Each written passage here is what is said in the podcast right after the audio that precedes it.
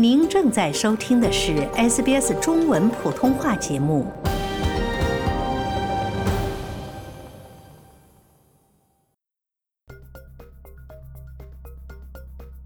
各位听众，大家好，我是 Lauren 陈龙。一艘中国渔船本周二在印度洋中部倾覆，澳大利亚已加入空中和海上搜寻三十九名失踪船员的行动。该远洋渔船本周二，也就是五月十六日凌晨，在印度洋中部海域倾覆。中国中央电视台报道称，这起事件发生在凌晨三点左右，距离澳大利亚西北部约四千六百公里。船只倾覆后，十七名中国船员、十七名印尼船员和五名菲律宾船员全部失踪。目前，事故原因仍在调查当中，搜寻工作也还在继续。数艘船只和一架澳大利亚国防军 P-8A 波塞冬海上巡逻机一直在搜索事故区域。中国驻澳大利亚大使肖谦周四在堪培拉对记者表示，他正在与澳大利亚政府进行协调。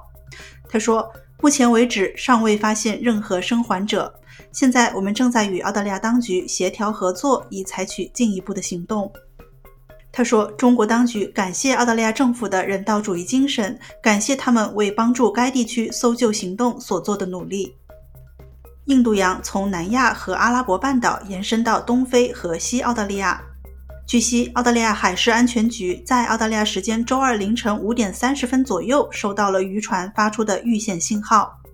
海事安全局表示，周二该地区出现了极端的天气状况，到周三有所改善。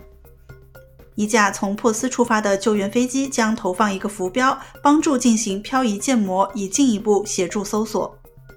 倾覆的船体已被发现，其发射器在斯里兰卡以南一千多公里处被探测到。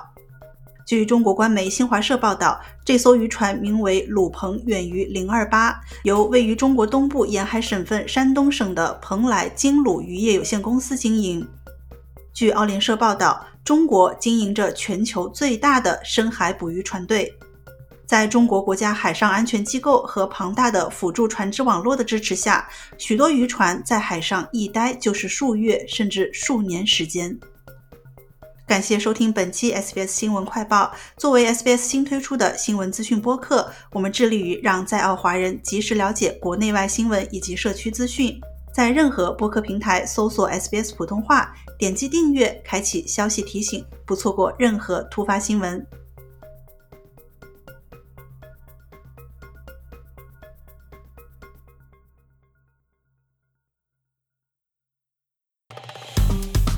喜欢、分享、评论，欢迎您在 Facebook 上关注 SBS 普通话页面。